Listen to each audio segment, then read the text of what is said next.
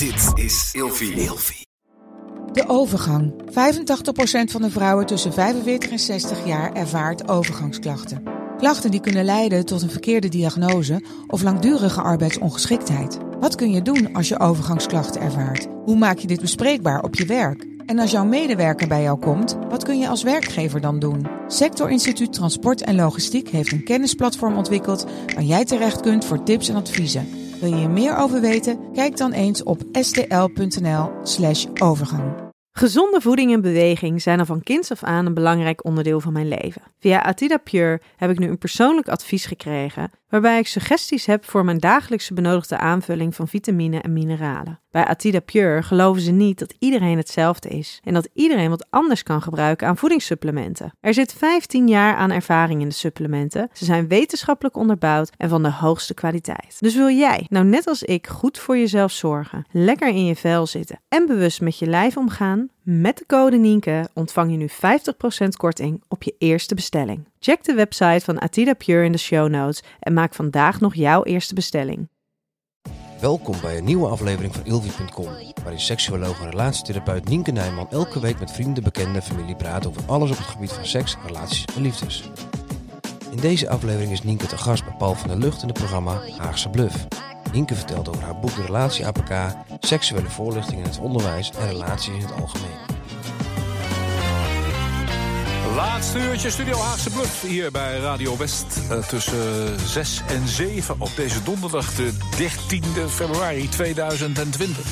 En ja, uh, één keer per jaar moet iedereen met een auto even naar de garage... voor een volledige controle. Kijken of de motor nog goed loopt. De banden de juiste spanning hebben. De oliepeil in orde is. De veesnaar, nou noem maar op. We willen natuurlijk niet die auto crasht.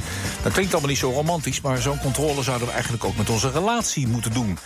In het boek Relatie APK legt seksuoloog en relatietherapeute Nienke Nijman uit wat het geheim is voor een lange en gelukkige relatie.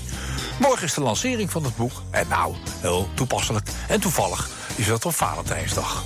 Ik heb Nienke vandaag in de studio. Uh, Nienke, van harte welkom. Leuk dat je er bent. Dankjewel. Um, je bent relatietherapeut, seksuoloog. Je geeft seksuele voorlichting op scholen door het hele land. Uh, van waar deze interesse en belangstelling en van waar dit vak? Um, nou, ik ben een beetje besmet geraakt door mijn ouders. Mijn uh, ouders die, uh, zitten ook in het vakgebied. Mijn vader is uh, professor urologie en mijn mm. moeder is bekkenfysiotherapeut. Dus eigenlijk al van hele jonge leeftijd hebben we hebben we van alles vanuit de medische kant van seksologie meegekregen. En ik ben de jongste van vier kinderen en ik riep altijd dat ik wat anders ging doen dan de rest. Maar uiteindelijk ben ik dus eigenlijk gewoon in het rijtje van mijn ouders terechtgekomen. Wat doet de rest? Heeft ook allemaal geneeskunde gestudeerd. Ja. en dat wilde ik sowieso niet. Dat wilde je niet. Wat nee. heb je allemaal wel gestudeerd? Want ik denk dat je, voordat je jezelf al deze etiketten mag geven... dat je wel een beetje opleidingen achter de rug uh, moet Ja, hebben. dat zijn er al een aantal geweest. Uh, ik heb uh, nou, mijn bachelor psychologie, master klinische gezondheidspsychologie... en uh, masteropleiding systeemtherapie, consument seksuele gezondheid, EMDR, opleiding... Wat is EMDR ook alweer? EMDR is een vorm van traumatherapie. En hoe werkt dat? Uh, ja, dat, dat werkt met stimulatie van de hersenen. Um, en, en daarmee kan het verwerkingsproces van een trauma kan in gang gezet worden. Oh, Oké. Okay. Ja. Hey, um, je, je boek heet Relatie APK, ja. komt morgen uit. Absoluut. Uh, en ik denk dan toch van, nou, je moet uh, gewoon naar de keuring met je, met je relatie. moet dat? Nou, zo zou je het wel kunnen interpreteren. Het gaat in ieder geval om het idee dat we uh, eigenlijk heel veel dingen voor lief nemen, vanzelfsprekend nemen. Terwijl onze relatie, ja, daar moet je gewoon in investeren. En er zijn maar heel weinig mensen die echt de tijd nemen om eens één keer in de zoveel tijd te gaan zitten. En aan elkaar te vragen: Goh, wat vinden we nou eigenlijk van onze relatie? En hoe gaat het nou eigenlijk met onze relatie? En wat voor vragen moet je dan stellen? Nou, begin eens bij die vraag: van, Goh, ben je eigenlijk wel gelukkig in de relatie? Ja. Is de relatie zoals dat jij hem zou willen zien? En dan ga je dus, je gaat aan tafel zitten, een glaasje wijn erbij, flesje opentrekken, wat nootjes op tafel en gewoon een beetje, nou, een beetje in een gezellige sfeer. Nou, dat zou wel het mooiste zijn. Maar iedereen, voor iedereen geldt daarin natuurlijk wat anders. Want sommige mensen merken juist dat als ze in huis zijn, dat ze, uh, want praten is helemaal niet zo heel erg makkelijk. He, uh, we vinden wel altijd dat we het moeten doen, maar het is eigenlijk is het in werkelijkheid niet altijd voor iedereen even makkelijk. Geef eens wat tips. Hoe moet je dat doen, praten? Nou, eigenlijk gewoon de basis van communicatie. Gewoon gaan praten op het moment dat je rustig bent, dat je niet geëmotioneerd bent. Dus een neutraal moment kiezen, uh, een moment moment dat je ook weet waar je het over wil gaan hebben. En niet op het moment dat het geëscaleerd is, dat je dan het gesprek aangaat. Maar ook van tevoren al vast een beetje voor jezelf een bereidje krijgt van ja, maar wat zijn nou de punten waar ik tegenaan loop? Of wat zou ik graag bespreekbaar willen maken? En uh, vind je dat iedereen zo'n uh, zo'n nou ja, zo'n relatie APK uh, nodig heeft? Nou ja, ik denk niet dat iedereen een volledige re relatie APK elke keer nodig heeft. Maar ik denk wel dat uh, iedereen aan zijn relatie verplicht is. Dat als je er zoveel verwachtingen aan hebt, uh, van hebt, als dat wij tegenwoordig hebben, dat je wel met een regelmaat even met elkaar moet bespreken. Um, nou ja, hoe, hoe het ervoor staat en hoe het met jullie gaat. En de een zal een meer uitdagende relatie hebben en dan zal het misschien wat frequenter moeten. En bij de an, nou, ander, nou, pak eens, pak eens één keer in, in het half jaar. Dat je gewoon eens even, even erbij stilstaat. Als je er zelf niet uitkomt met je partner. Ja. Uh, dus nou, zo'n gesprek escaleert en je probeert ja. het weer een keer te escaleren. Wat moet je dan doen? Nou, ik zou iedereen kunnen aanraden om uh, uh, naar een relatietherapeut te gaan. Dat ervaren heel veel mensen als een enorme drempel. Maar de meeste mensen, als ze eenmaal een gesprek hebben gehad, ervaren ze het ook als een enorme opluchting dat ze dus op een andere manier een gesprek kunnen voeren. En waar helpt zo'n relatietherapeut dan bij? Uh, die, kan bij alles, die, die kan bij alles helpen. In eerste instantie al dat als er een gesprek gevoerd moet worden, dat de partners het niet tegen elkaar hoeven te doen. Maar eigenlijk een beetje de therapeut daarin via, kunnen gebruiken. Ja, ja. en, dat, ja, ja. en uh, vaak toch ook wel de veiligheid voor, uh, nou ja, dan in dat geval cliënten. maar de veiligheid voor partners, dat er dus iemand bij zit. waardoor ze dus ook automatisch al beter gaan communiceren. Minder gaan schreeuwen, minder verwijten gaan maken. En meer de rust bewaren om naar de ander te luisteren. En um, op den duur ook wel beter beter openstaan voor uh, nou ja, de, de, de verantwoordelijk nemen, uh, voor, uh, verantwoordelijkheid nemen voor hun eigen gedrag.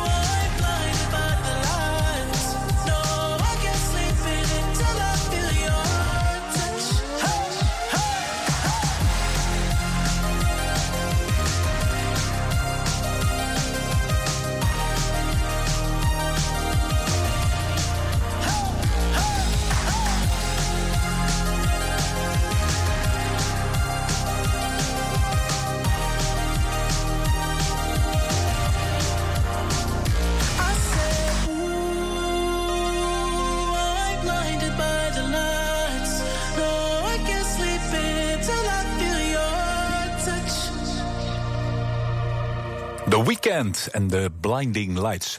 Morgen is ook Valentijnsdag en daarom hebben we het over relaties. En we hebben het ook over seks. Seks is een beetje een ongemakkelijk gespreksonderwerp, soms. Uh, maar heb jij daar ook last van? Uh, nee, ik vind het heerlijk om over seks te praten. Oh. Ja, sorry. nee, dat mag. Uh, maar jij praat er dus ook veel over? ja, minstens elke dag. Minstens ja. elke dag. Nou, ja. Zich geldt dat denk ik voor heel veel mensen, ook al is het onbewust.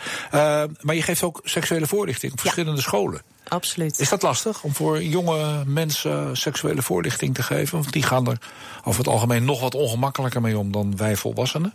Nou, soms is het inderdaad wel uh, lastig, maar het geeft ook wel een enorme kick als je op een gegeven moment wel die aansluiting hebt. Ook al is het maar met een paar leerlingen uit de groep. Um, die zich wel wat kwetsbaarder op durven te stellen of die nieuwsgierige vragen durven te stellen. En op het moment dat dat gebeurt, je hoeft er maar één of twee te hebben, dan gaat het eigenlijk al een, een, een stuk gemakkelijker. Oké. En uh, uh, zo'n groep, is dat over het algemeen uh, heel lacherig? Of hoe word je ontvangen? Nou, ik kondig mezelf altijd aan dat ik seksles geef. En meestal begin ik dan met van goh, hè, we gaan hier helemaal niks in de praktijk uitvoeren. Het blijft gewoon bij theorie. Um, en dan moeten ze altijd heel hard lachen en dan zijn ze altijd heel gelukkig. Want ze hebben eerder ervaren dat ze condooms over bananen moesten. Ja, dat is de ouderwetse. Ja, ja, precies. Dat is de oude biologie of de verzorgingsles. Maar dat, dat doen we allemaal niet. En Um, ja, er worden wel, worden wel grapjes gemaakt. Maar eigenlijk heb ik ook heel duidelijk als regel van jongens, weet je, je, je mag lachen. Maar op het moment dat het uitlachen wordt en het wordt dus respectloos, dan ben ik ook heel simpel, dan mag je weg. Hey, en hoe oud zijn de kinderen over het algemeen aan wie je ja, seksuele is, voorlichting geeft? Dat is heel divers, maar ik sta het liefst voor de 15, 16, 17-jarigen. Waarom is dat? Omdat dat de doelgroep is die daar ook daadwerkelijk iets mee gaat doen. Of het nou is dat ze voor zichzelf er wat nieuwsgierig naar zijn, of dat ze merken dat hun lichaam op dingen reageert, of dat ze echt al actief met seks bezig zijn. Maar ik merk dat bij die groep vind ik de beste aansluiting. Omdat je, ja, ze, ze kunnen er ook wat is mee. Is dat ook niet meteen de groep die uh, het afwerendst is? Nou, misschien vanuit het ongemak, maar tegelijkertijd ook wel heel nieuwsgierig. Want ik begin altijd met een, uh, een ronde en moeten ze allemaal gewoon anoniem even op een briefje moeten ze allemaal een vraag uh, uh, opschrijven. En dan zie je wel de meest uiteenlopende vragen voorbij komen. Ja. Hey, nou ben jij, uh, je, bent, je bent geen, geen uh, wat, wat, wat oudere, een, een beetje grijzige uh, vrouw met een brilletje op de neus en een, een pukkel op de kin. Hè? Niet, niet zo'n. Niet zo'n oh, je hebt wel een brilletje ja, ik heb bij. Een bril, ja. ja. aantrekkelijke verschijning. Maakt dat nog verschil? Ik denk het wel. Ja, uh, want ik, ik, ik ben inderdaad, ik ben uh, 30 en uh, ik heb dus in die zin ook nog wel een aansluiting met de jongeren. Ja. Precies, ze voelen zich toch een klein beetje thuis. Hey, toen jij seksuele voorlichting kreeg, hoe ging dat ja? er toen aan toe? Nou, wij hadden ook, we hadden gelukkig een hele leuke docent, weet kist, nog. Kist bananen of niet? Nee, we hadden een bezemstil. ja. ook goed, reken ik ook goed. We hadden echt wel, gelukkig hadden we wel een hele leuke docent die dat, uh, die dat deed. Dus dat, dat maakte wel een boel goed. Ja, en, en uh, als je nu kijkt naar de manier waarop je zelf seksuele voorlichting kreeg en de manier waarop je het nu doet, wat zijn ja. de grootste verschillen? Uh, het grootste verschil is dat ik geen docent van die jongeren ben. Dus ik heb voor de rest heb ik niks met hen. Ik ja, kom op die scholen. Ingevlogen. Ja, ik word gewoon gevraagd door die scholen en ik kom daar in ongeveer anderhalf uur per, per klas, per groep. Um, en het is op alle, alle fronten is het anders. Want het gaat bij mij niet over hoe, hoe doe je een condoom om. Of uh, uh, nou ja, hoe, hoe functioneel is seks. Of hoe Ja. werkt het biologisch gezien. Hoe maak je kindjes. Het gaat veel meer over. Um, ga, ga ontdekken in de komende 15 jaar wat je fijn vindt. En uh, er mag van alles. En je mag ook grenzen aangeven. En je mag je eigen keuzes maken. En je hoeft niet te doen wat anderen doen. Hey, en, en merk je culturele verschillen op scholen? Ook ontzettend. Ik geef ook uh, met de regelmaat sta ik voor het uh, VMBO in de omgeving Rotterdam. Ja. En dan zie je toch wel dat er een hele grote allochtone populatie is. Ja. En als je dan bijvoorbeeld onderwerpen zoals homoseksualiteit of überhaupt seks buiten de context van een huwelijk of Ja. voor een huwelijk, ja, dan merk je wel dat je andere gesprekken voert. Want dan is het eh, ongemakkelijk. Dan komt ineens een religieuze factor erbij. Uh, ja, en ik zou het niet ongemakkelijk noemen, want het zijn wel hele interessante gesprekken. Want voor mij mag iedereen van alles vinden, maar ik wil altijd wel weten waarom. Ja. En dan kom je eigenlijk ook wel een hele, uh, nou ja, hele interessante gesprekken terecht. Op het moment dat iemand dus opgegroeid is met het idee van je ja, homoseksualiteit is een ziekte. En dat je dus gewoon oprecht met de jongeren in gesprek kan gaan over ja, maar hè, waarom vind je dat dan? En ja, hoe ziet het er dan uit? Denk je, denk je dat het je gelukt is om, om uh, wel eens jongeren te overtuigen van het tegendeel? Het is niet aan mij om te overtuigen. Uh, nee? nee? Niet een beetje? Nee, want het is niet, niet een beetje aan mij. te leren? Uh, zeker wel, maar ik vind het belangrijker om ze een aanbod te doen in wat, er, wat voor gedachtegoed er nog meer is. Ja? Dan dat ik ze mijn mening ja, ja, jij reikt aan, zij maken de keuze. Zij mogen er wat aan doen. En daarin is ook van, hè, van mij mag je vinden wat je vindt. Maar ik wil wel graag weten waarom. En als je daar al bij iemand iets kan raken dat ze denken: ja, maar waarom, waarom vind ik dat eigenlijk? En is dat zo omdat ik het vind of omdat me dat altijd is verteld? Ja. Nou, dan vind ik dat, dat vind ik dan veel krachtiger dan wanneer iemand zegt: nou, omdat jij het nu zegt, neem ik het nu aan. Hey Nienke, ken jij de Netflix-serie Sex Education? Ja, absoluut. Leuk hè? Heerlijk, heerlijk. Heb je gezien, alle twee seizoenen? Uh, nou, ik ben toevallig uh, zit ik nu in seizoen 2. Ja. Maar ik vind het heerlijk om te kijken. Leuk, maar het is wel een beetje. ja, Sex Education, even voor de luisteraars, is een serie op Netflix. Er is nu het tweede seizoen in. Gaat over een jonge jongetje van een jaar of 16.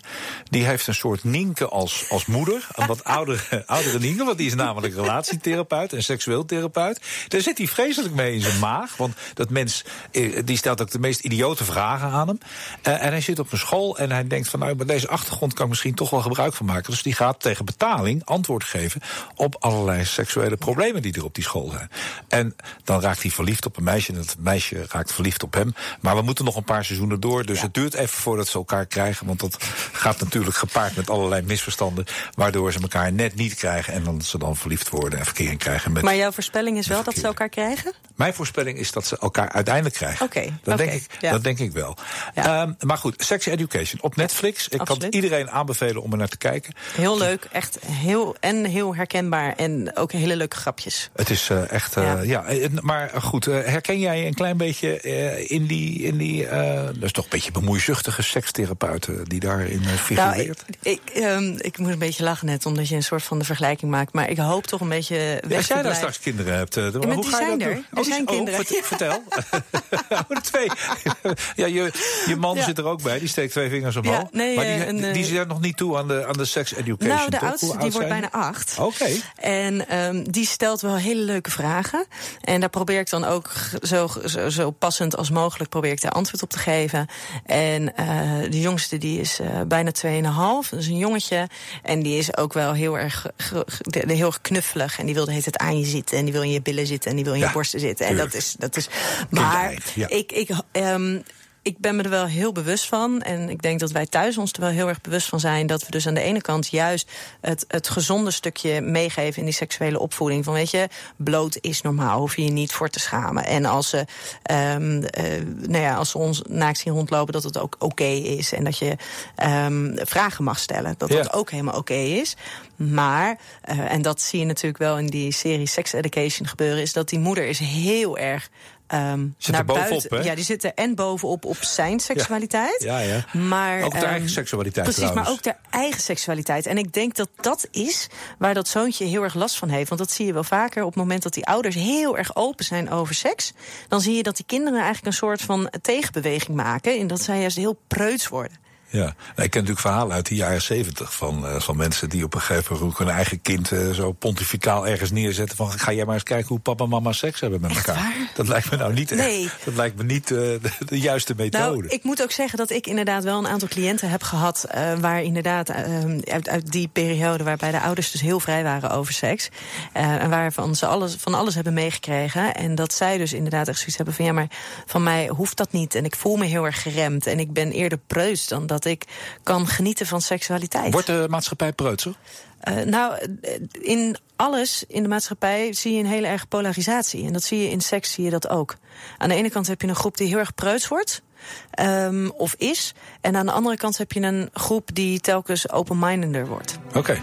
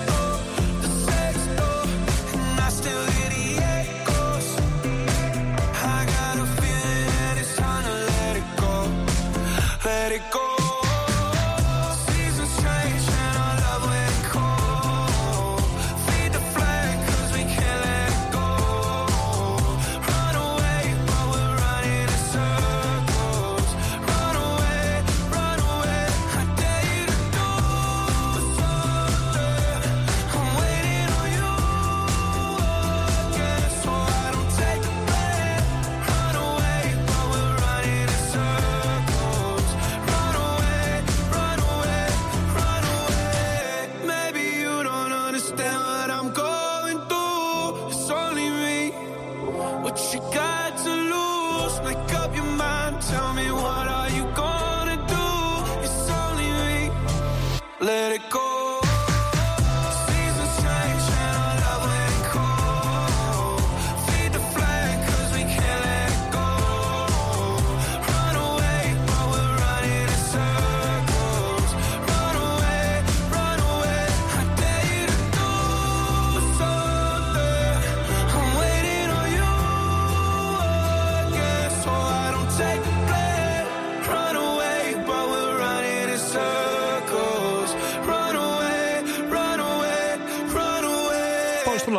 Studio Haagse Bluff. En in de studio hebben wij Nienke Nijman. Nienke Nijman is eh, relatietherapeut. Hij heeft ook een boek geschreven. En dat is natuurlijk een perfect boek eigenlijk, Nienke, om cadeau te geven op Valentijnsdag. Absoluut. Maar eh, eh, het, het wordt morgen pas geïntroduceerd. Volgens nee, mij ben het is een al beetje... beschikbaar. Oh, het is alleen al niet bij jou. Want ik heb driftig app-contact met mijn vrouw. Die zegt van, wil je goed luisteren naar Nienke? Want daar kun je echt nog wel wat van leren. Dat is één. Punt nummer twee, neem je dat boek mee? En ik heb moeten terug appen van, ja, hij is niet bij zich. Ik zal zorgen dat met de post dat het eh er zaterdag is. Ja, want eh, mijn vrouw kan zo'n boek best gebruiken. Onderdeel van het boek is dus verantwoordelijkheid nemen voor je Oh. eigen gedrag. Oké, duidelijk. hey, eh, die, eh, eh, eh, ja, ja, ja, er is zo'n Valentijnsdag nou het moment om aan je relatie te gaan werken? Eh, nee, dat denk ik niet. Nee. Dat moet je al- altijd doen. Dat moet je altijd doen. En alleen al omdat eh, heel veel mannen, vooral, waarschijnlijk vrouwen ook wel heel erg veel hoor. Maar eh, heel veel mannen vinden Valentijn zo'n clichédag. Dus eh, ik zou zeker niet Valentijn kiezen als de dag waarop je aan je relatie moet gaan werken. Als ik Valentijnsdag een clichédag zou vinden, dan Ja. zou ik 15 februari niet meer thuis hoeven te komen ongeveer. Nee, jij, er wordt van jou verwacht dat jij op eh, 14 nou, februari maar ik vind doet? ook wel, ja, maar ik, op zich ja. Ik vind het ook wel, ik vind het wel leuk om, om één dag iets, iets speciaals te je maar een keer uit voor je partner, toch? Vind ik wel leuk. Tegen wie je ze, dan zit je naar je eigen partner te wijzen. En die, eh, Ja. die, die, die, die heft zijn handen in wanhoop omhoog. Die stuurt andere mensen Valentijnskaarten, maar mij niet. Ja, maar ja, dat hoeft ook helemaal niet. Dat hoeft dan bij jou alleen maar onder je hoofdkussen te leggen natuurlijk. hey, in een boek over relaties kan een Ja. hoofdstuk over seks natuurlijk niet ontbreken. Dat klopt. Vorig jaar heb je Ruud de Wild geïnterviewd voor je eigen YouTube-kanaal. Mhm. En daar kwamen seks en relaties ook ter sprake. Eh, vind, je, vind je Ruud de Wild een eh, rolmodel? Eh, een rolmodel als in? Als in eh, iemand die goed relaties onderhoudt? Nou, dat daar. De, nee, dat, het is, ik word er sprakeloos van. Nee, maar ehm, in de video geeft hij zelf ook aan dat hij, eh, eh, nee, dat, hij dat lastig vindt. Nou, laten we maar eens even Ja. naar hem luisteren dan. Als je het eh, hebt over, stuk, over, over relaties en seksualiteit, bestaat een relatie zonder seksualiteit? Nee, Nee? zeker niet voor mij in ieder geval. Kan je je voorstellen dat het voor andere mensen wel zo zou Nee. zijn? Ja, het, het, het schijnt zo te zijn, maar ik word, bij het idee word ik al heel ongelukkig. Ja? Ja, als je. eh, Even, even vanuit gaan hè, dat je allebei gezond bent. Ja. Ehm, bestaat mijn relatie eh 60-40 uit seks? 60% seks. Echt waar? Ja, dat vind ik wel. En, nou, in ieder geval iets meer dan de helft, ja. Dus je bent echt wel heel seksueel ingesteld. Ja, ik vind het wel. eh seksueel is niet alleen op iemand liggen en eh eh, vieze, of vieze, geile filmpjes kijken. Dat is natuurlijk ook iemand vastpakken, liefhebben, hand in hand lopen. Dat is eh, seksualiteit. Intimiteit, Ja, echt. dat is het. Ja. Maar intimiteit en seksualiteit gaan, nou, gaan toch letterlijk hand in hand met elkaar. Je hoorde Ruud de Wild. Het leek, je leek wel verbaasd toen hij het had over een eh, verhouding 60% seksualiteit en 40% nou, niet seksueel. Ja, en niet zozeer in de zin als dat ik me niet kan voorstellen dat ehm, hij seks zou hebben of seksueel ingesteld zou zijn. Maar ehm, ja, ik was daar wel over verbaasd. Zeker ook omdat ehm, eh, hij dus eigenlijk eh, intimiteit en seksualiteit zo, zo ontzettend nauw met elkaar verbindt. Ja. Eh, en vind je dat, nou ja, veroordeel je dat dan? Nee, absoluut niet. Ik vind dat, dat vind ik juist het mooie aan seksualiteit. is dat iedereen het dus zo op zijn eigen manier beleeft. Ja, dat vind ik gewoon dat vind ik heel bijzonder. Dat iedereen gewoon daar zelf vorm aan geeft. En dat voor hem het dus eigenlijk al zo vanzelfsprekend is dat die intimiteit en seksualiteit zo met elkaar verweven is. Terwijl andere mensen, ja, die zien echt intimiteit als intimiteit en seksualiteit als seksualiteit. Hey, Nienke, als ik eh, jouw boek eh, nou eh, zou moeten lezen, wat, wat moet ik daarin onthouden? Wat is het belangrijkste dat je betoogt in je boek? Dat je eh, jouw eigen relatie vorm moet geven op een manier die bij jou past. Zodat je relatie ook op de lange termijn bij jou blijft passen. En ook bij je partner natuurlijk. en bij je partner. En dat die in jullie behoeftes blijft voorzien. Maar dat je daarin dus wel ook realistische verwachtingen naar elkaar hebt. Ehm, en dat je in contact blijft met elkaar. En dat je op dezelfde manier in elkaar blijft investeren. Zoals dat je in die beginperiode doet. Luisteraars, in de studio was Nienke Nijman, relatietherapeute, EMDR-deskundige, eh seksuologe, nou, van alles en nog wat. Morgen komt haar boek uit en haar boek heet De Relatie APK in de boekhandel eh, te krijgen.